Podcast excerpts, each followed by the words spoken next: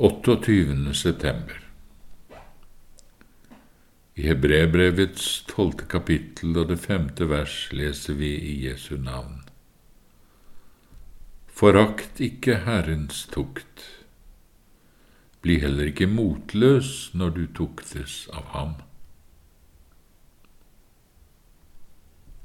Rosenius sier, du har fått den store nåde og tro dine synder er forlatt.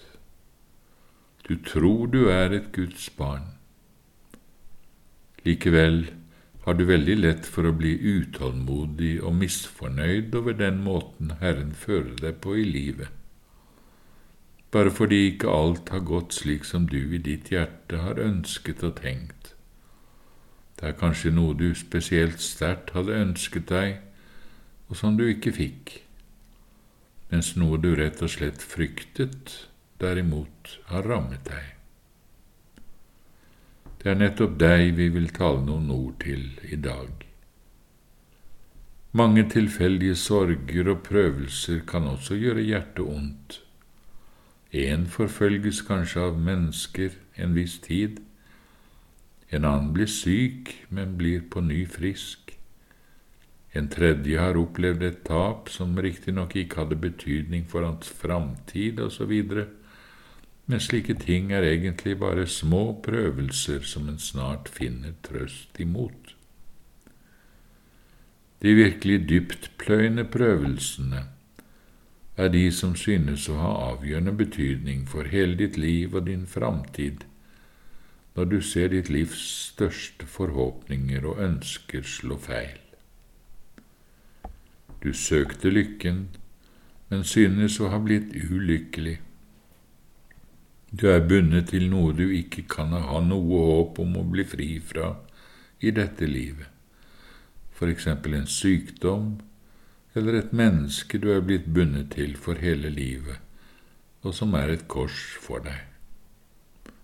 Eller du har knyttet hele ditt hjertes lykke til en bestemt person, og så er denne personen tatt fra deg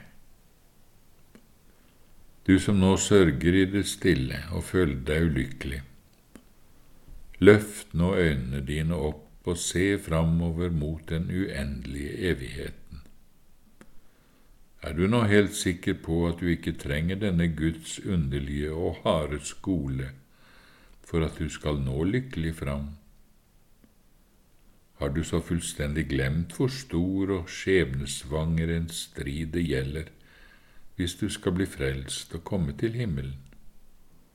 Du vet jo at hele verden ligger i det onde, og at det er få som blir frelst, ja, at den rettferdige vanskelig blir frelst, som det står i Skriften. Du tror og erfarer at hele ditt vesen er gjennomsyret av den gamle slangens gift, for slik er det i sannhet med hvert eneste menneske. Hjertet ditt er en hissig og lett tennbar ting som alltid vil i feil retning. Ditt kjød er fullt av lyster og begjær. Du tror og ser at hele verden omkring deg er full av fristelser, og hvordan djevelens makt og list er så stor og omfattende at mangt et stort Guds menneske er blitt forført og hemmelig bedratt, så de er gått evig fortapt. Det er jo forferdelig å se en slik tilstand. Men likevel kan du altså tro at du er den eneste som skal være fritatt fra all fare. Deg kan det falske hjertet og den gamle slangen aldri bedra, tror du. Er du så overbevist om at det skal nok gå godt for deg å komme gjennom alle farer i denne verden? Vel, sier du, men vil, hvor vil du da hen med alt dette? At jeg synes jeg er blitt ulykkelig, er vel ikke det samme som at jeg er så selvsikker at jeg tror jeg er fritatt for all fare i all evighet. Jo, her er nok en dypere sammenheng enn du tror. Du kan være sikker på at det ikke er av hjertet Gud plager menneskene, men bare så langt det er nødvendig for den enkelte. Vær du sikker på at hvis ikke prøvelsene var nødvendige for ditt evige liv, så vil den uendelige kjærligheten i Guds hjerte heller gi deg et paradis på jorden. Og om dine prøvelser ikke alltid er sendt for å redde deg fra den evige død, burde det være nok for deg at Herren vil helliggjøre deg enda mer, vil døde ditt gamle menneske, gjøre deg mer rik på åndelig kraft, liv og ånd, tro og bønn, kjærlighet, årvåkenhet, ydmykhet. Eller betyr alt dette ingenting for deg? Er synd og ditt kjødelige sinn noe du ikke tar så nøye, så det ikke smaker deg at Gud døder dette? Hvor høyt setter du da Gud og hans vennskap? Hvis Gud vil bli mer æret gjennom deg, skulle det da ikke smake deg? Er du mer opptatt med din jordiske trivsel enn av at Gud blir æret? Og tenk deg over, du menneske, hvem som har skapt deg til denne verden med en udødelig sjel. Og ikke bare det, men også sendt deg sin egen elskede sønn til en blodig død for at du skulle bli frelst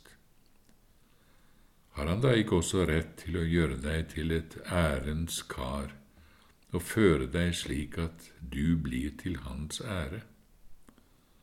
Smaker dette deg tvert imot ikke, så du til og med ergrer deg over det? Nei, langt ifra, sier du, det har jeg så langt fra noe imot. Tvert imot er det min inderlige bønn at Gud bare må gjøre meg mer alvorlig og hellig til sitt navns ære. Hvor ofte har jeg ikke bedt ham døde mitt kjød, når jeg har kjent på at jeg selv verken gjorde eller kunne gjøre dette. Nei, det at han døde mitt kjød, misliker jeg slett ikke. Men jeg taler om mine bitre prøvelser. Det er disse som gjør meg så ulykkelig. Du vil altså bli korsfestet og dødet, men uten lidelser. Du vil oppleve korsdøden leende. Du vil ha nagler gjennom hender og føtter uten smerte. Å ja, så fordreid kan det hele fortone seg i vår tankeverden. Men la det nå da bli klart for deg at det gamle mennesket kan ikke bli overgitt til døden uten lidelse. Hvis du ber Gud døde ditt kjød, må du ikke bli overrasket over om mye lidelse rammer deg. Med en slik bønn har du selv dratt dette over deg. Gud hører svært gjerne når du ber ham døde kjødet ditt og la nåden få større innpass i deg. Men han vet da ingen bedre måte å bønnhøre deg på enn gjennom prøvelser, fristelser, kors og problemer.